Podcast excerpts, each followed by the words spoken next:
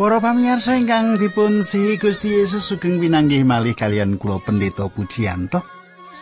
Kados padatan kula badhe sesarengan kalian panjenengan ing sawetara sekta menika wonten ing salebetipun adicara margi utami. Kados pundi pawartos panjenengan katang kula menapa saya-saya kemawon panjenengan katang kula inggih.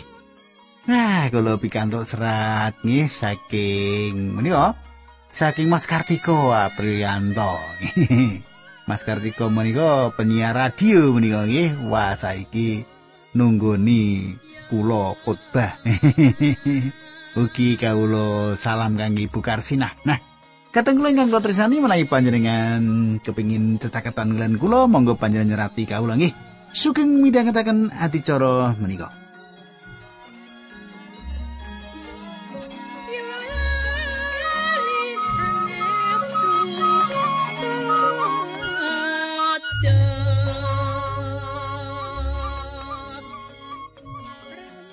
Para pamirsa ingkang kula tresani wong pepanggihan kepengker kula sampun ratelaken dumateng panjenengan lan sampun nyemak bilih Paulus ngimutaken kita supados kita mboten masrahaken badan kita dumateng dosa. Kita ampun ngantos dados baturipun dosa malih. Tasih kemutan panjenengan monggo kita tumungkul kita ndedonga saderengipun kita lajengaken Duh Kanjeng Rama ingkang ada dampar wonten kraton ing kasuwarken kawula ngaturaken gunging panuwun nayekta menika kawula saged tetunggilan kalian sederek-sederek kawula. Kawula nyuwun Gusti berkahi, Gusti mitulungi lan kula suwun supados Sang Roh Suci piyambak ingkang badhe kula wentah kawula kanthi makaten mangertos kayektosan kayektosan ingkang paduka pratelaken saking kitab suci. Dinambaran asmanipun Gusti Yesus Kristus kawula ndedonga haleluya. Amin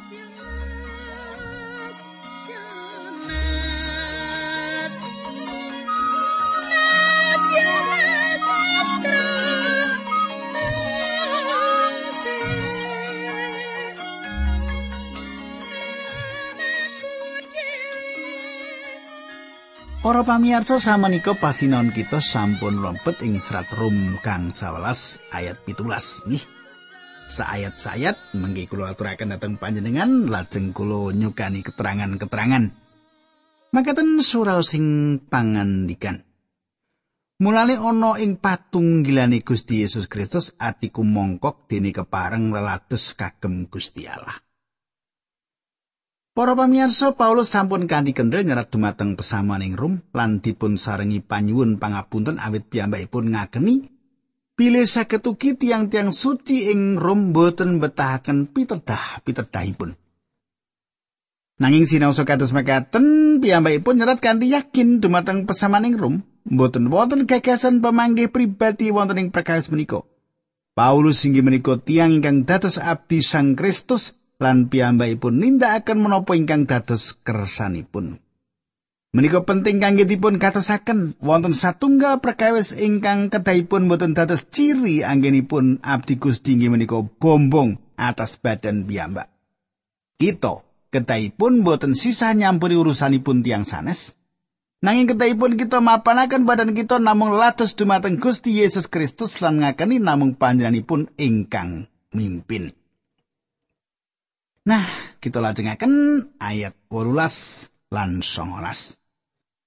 Aku mung wani nyritakake apa sing wis ditindakake Sang Kristus lumantar aku, ya kuwi nuntun bangsa tutu Yahudi srana tembung lan penggawe supaya padha mbangun truta marang Gusti Allah. Lelatiku mau srana migunakake pratandha lan mukjizat sarta panguasane Sang Roh Suci, ya kaya mengkono mau sajroning lelungan saka kutha Yerusalem tekan tanah Ilirikum sedalan-dalan aku tansah ngabarake Injil kanthi jangkep bab Gusti Yesus Kristus. Para pamirsa. Ing seratan menika meratelaken satunggalipun perkawis ingkang saestu penting. Menawi kita ngersakaken mangertos Paulus, mliginipun ing salebetipun perkawis menapa Paulus lan Petrus ingkang ngedegaken pesaman Rom, kita kedang gatosaken saestu menapa ingkang dipun serat Paulus ing mriki. Paulus meratelaken aku ora bakal wani nanggung risiko atas pakaryane Gusti Allah kang ditindakake dening wong liya mligine ing antaraning bangsa-bangsa dudu Yahudi.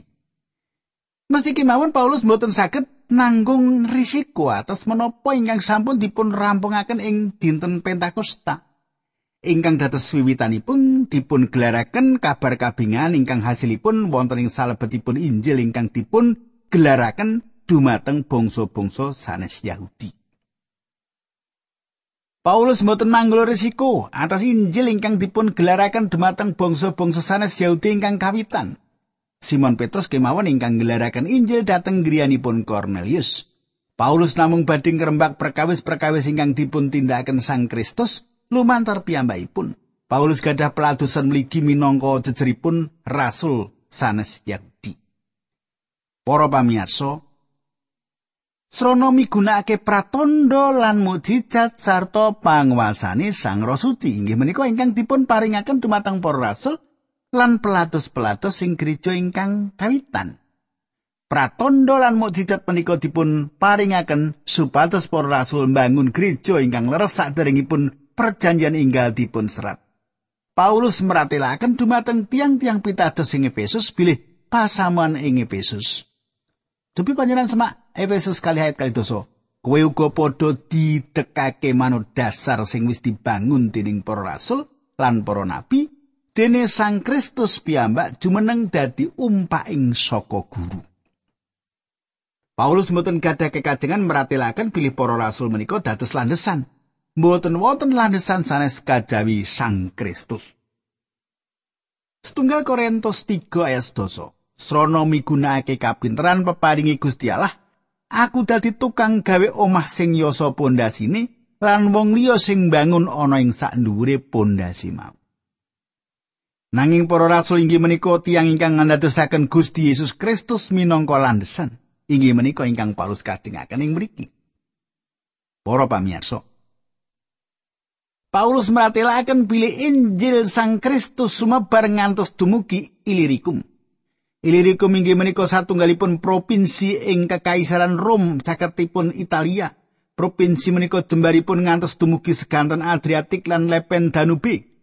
Paulus sing wedal semanten sampun memucal saking Yerusalem ngantos ing provinsi caket Rum.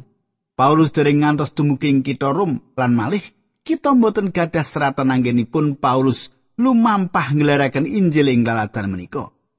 Sampun tentu Paulus kesaing papan-papan ingkang kita mboten mangertos kanthi jlimet. Saperangan tiang wonten ingkang pitados menawi Paulus kisah dateng Spanyol. Kula yakin Menawi serat kentunan menika meratelaken bilih Paulus kedah dateng Spanyol lan manut kula. Paulus ugi kedah dateng Inggris awit Paulus jelajah ing sedaya lalatan Rom kados ingkang badhe kita semak mangke. Para pamirsa kita lajengaken ayat kalih dosa lan selikur.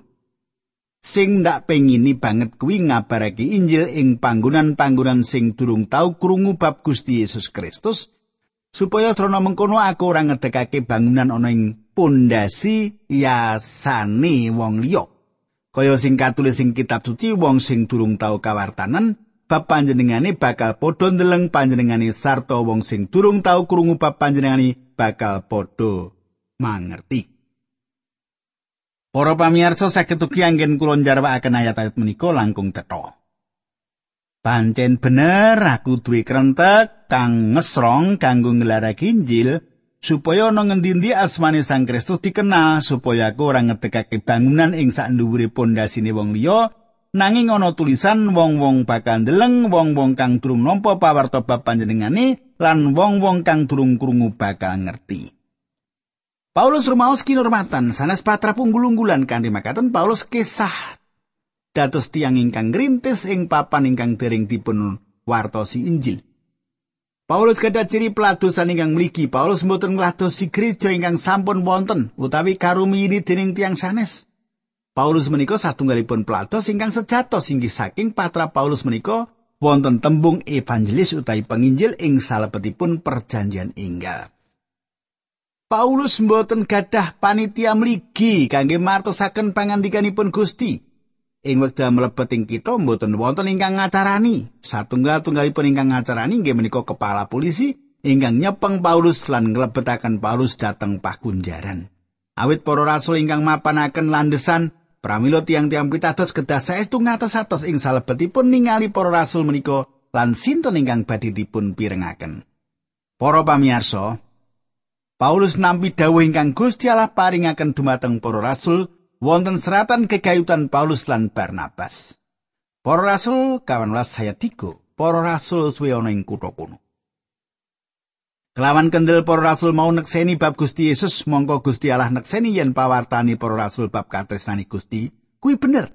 Srana maringi panguwasa marang para rasul nindakake mujizat-mujizat lan kaeloan-kaeloan. Inggih menika tanda-tanda para rasul lan juru mucai Injil kawitan. Para rasul lan juru mucai Injil mboten beto buku perjanjian inggal wonten ing tengah-tengahing pesamuan. Sebab perjanjian inggal menika dereng dipun serat. Para rasul lan juru mucai Injil rawuh kinantenan tondo-tondo lan mujizat-mujizat ingkang kebak pangwaos. Para pamirsa, Meski kemawon badhe tumugi wancinipun tondo-tondo mujizat menika mboten malih dados tondo. Yohanes ing pungkasaning gesangipun ingkang panjang nyerat makaten. Kali Yohanes tunggal ayat 10, mulane yen kowe padha katekanan wong sing ora nggawa piwulangi Sang Kristus, aja kok tampani ing omahmu lan aja kok salami. Mucalan ingkang leres inggih menika wontenipun tondo bilih tiang menika abdinipun Gusti Allah. lan jaman-jaman menika tondo sagedipun dipun mangertos mboten bucalan mboten tondo-tondo lan mukjizat-mukjizat. Iblis hawagiat kata sanget tiyang ingkang kapengaruh lan kajirit dening bucalan ingkang mboten leres. Paulus saestu ngatos-atos sing salebetipun menetaken kasunyatan bilih keratonipun Allah sanes babagan nedol lan ngunjuk. Keratonipun Allah mboten ugi tondo-tondo lan mukjizat-mukjizat. Menika mboten ngrembak kekayutan perkawis-perkawis Jawi kratonipun Allah inggih menika kayektosan. Para pamirsa, Sawetawis wekdal ingkang kepengker kita nate dipun gegeraken kalian tiang-tiang ingkang nuruti hartaning hawa nafsu, bebas apa turun kalian tiang setri kakung sinten kemawon, lan babar pisan boten gesang kunjuk Gusti Allah. Tiang-tiang menika nengenaken tondo-tondo ganjaran kasukman upaminipun basa roh, katresnan lan sapanunggalanipun. Tondo ingkang langkung saya malih inggih menika ilat ingkang resik.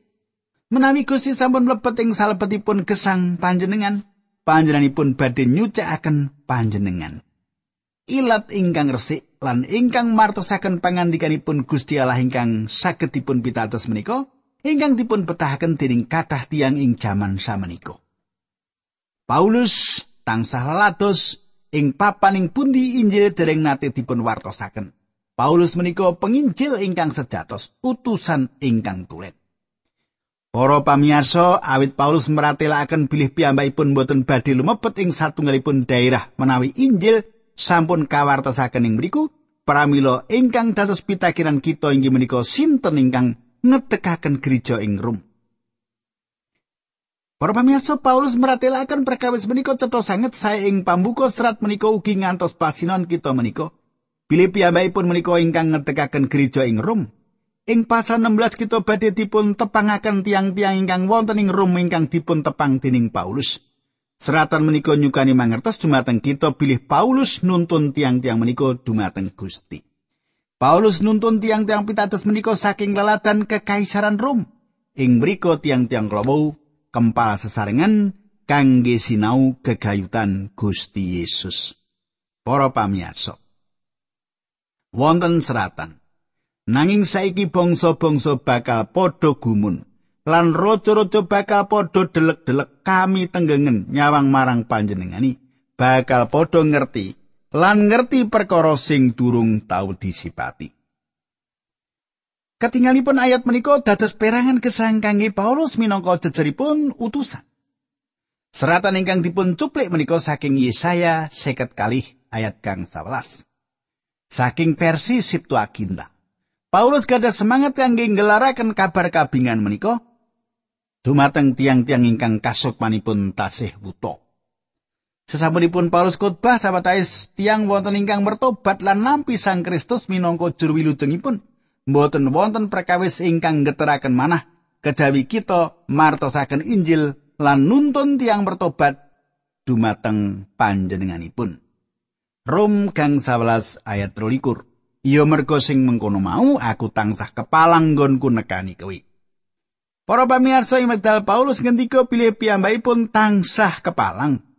Panjenengan kedah yakin bilih panji Paulus saestu kepalangan.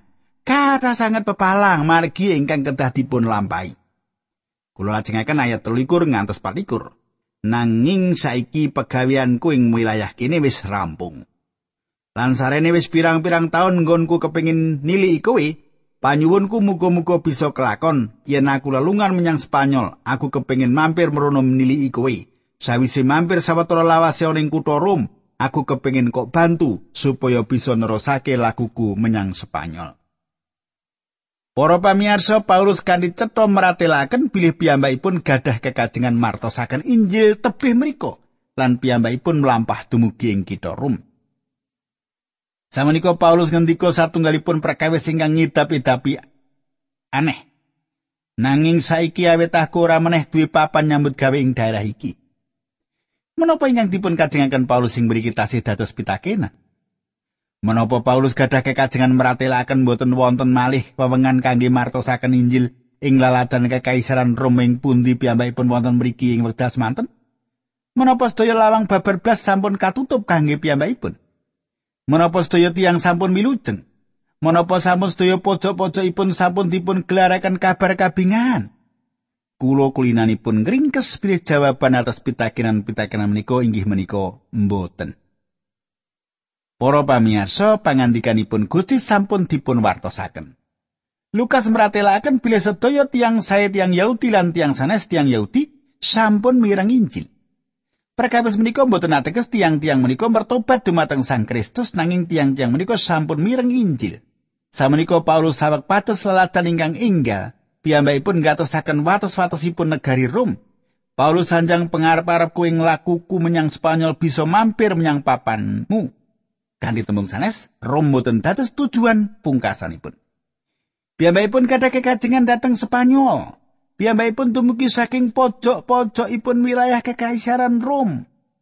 Lan piyambakipun kepingin kisah dateng pojok satunggalan pojok sanesipun ing wilayah Rom menika.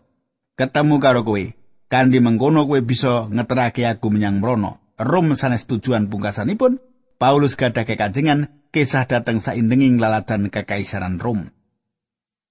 Ingkang dados pitakenan inggih menika menapa Paulus nate dateng Spanyol. Menawi inggih kita mboten wonten seratanipun nanging sinausa kita ugi mboten gadah seratan anggenipun dateng Ilirikum, kita mboten badhe mangertos menapa Paulus dateng mriku menapa mboten saupami Paulus mboten nyebataken anggenipun lumampah dateng Ilirikum menika salebetipun ayat 19. Pribadi kula pitados pilih Paulus panci kisah dateng Spanyol lan daerah-daerah sana sing wilayah kekaisaran Rom ingkang dados landesan kula inggih menika pratelo ingkang dipun damel ing wekdal piyambakipun sampun dumugi pungkasan ing gesangipun. Nalika semanten Paulus ngendika, kalih Timotius kawan ayat pitu. Aku wis melayu ngetok karosanku, Sajroning balapan saiki playuku wis tekan garis wekasan aku wis menanggonku ngantepi percaya. Paulus sanjang pilih piyambakipun sampun dumugi ing garis wekasan. Kula mboten yakin menawi piyambakipun ngendika pilih dereng dumugi ing Spanyol. Awit Spanyol menika wonten ing salebetipun rancanganipun. Paulus gadah kekajengan kisah datang Spanyol lan piyambakipun ugi gadah kekajengan kisah datang Yerusalem. Nah, kita selajengipun kita lajengaken ayat 6 likur. Selawi, nggih. Saiki aku lagi lelungan menyang kutha Yerusalem ngladosi umat Gusti Allah sing ana kono. Sebab pesaman-pesaman ing tanah Makedonia lan tanah Yunani wis gawe putusan metu saka lilaning atine ngirimake sumbangan kanggo para umat Gusti Allah ing kutha Yerusalem sing padha keserakan. Para pamirsa Paulus gadah kekajengan kisah dateng Yerusalem. Badhe beto bantuan kangge tiang suci ingkang kekirangan ing mriku. Lan Paulus gadah kekajengan beto piyambak. Kenging menapa? awet rumiyin piyambakipun nganiaya pesaman ing Yerusalem ngangge tanganipun piyambak. Paulus nate mimpin panganiaya dumateng tiang-tiang pitados sing Yerusalem. Panjenengan tasimut menika ing salebetipun manah rasul ageng menika tuwuh ing batinipun samenika gadah kekajengan dandosi kanthi beto bantuan menika ngirim sumbangan ing basa Yunani dipun jarwaken kontribusi utawi nderek cawe-cawe. Ingkang liripun inggih menika patunggilan. Tembung menika dipun kinakaken kangge samukawis ingkang saged dipun dum dening tiang-tiang pitados. Sang Kristus pangandikan donga bujana suci lan sumbangan-sumbangan awujud bondo tunyo. Para pamirsa, tiang Kristen gada patunggilan kalian Gusti Allah. kalian Sang Kristus. Kalian setunggalan sanesipun wekdal tiang-tiang Kristen menika dono wewe. Patunggilan menika mboten namung ngepuk-epuk gegeripun setunggal sederek. Sing sabar yo, orang kei opo-opo. Gila. Kangge dipun tiang pitados, patunggilan ateges dum kinetum, perkawis-perkawis ingkang magepokan kalian Sang Kristus. Ing mriki Paulus meratelaken anggenipun kisah dhateng Yerusalem ing pundi wekdal kepengker piyambakipun sampun nganiaya gereja ing mriku.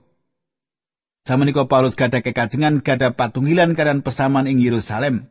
Paulus gadah kekajengan beto sumbangan dumateng pesaman ing Yerusalem. Ing para rasul wonten seratan sejarah makaten. Patiko rakyat pitulas para rasul. Sesampunipun keporo dangu kawula mboten wonten ing kitha Yerusalem. Kawula mriku kalian beto sumbangan kangge bangsa kawula ngiras badhe nyaosaken kurban. Kempalan serat menika saestu penting kangge Paulus kita nampi seratanipun kekayutan perkawis menika ing salebetipun kalih Korinta sejatosipun ing pasal 8 lan 9 ngrembak perkawis menika. Rom kang 11 ayat 17. Putusan kuwi metu saka karepe wong-wong mau dhewe lan pancen sanyatane wong-wong kuwi padha duwe kewajiban biyantu sedulur-dulur sing miskin.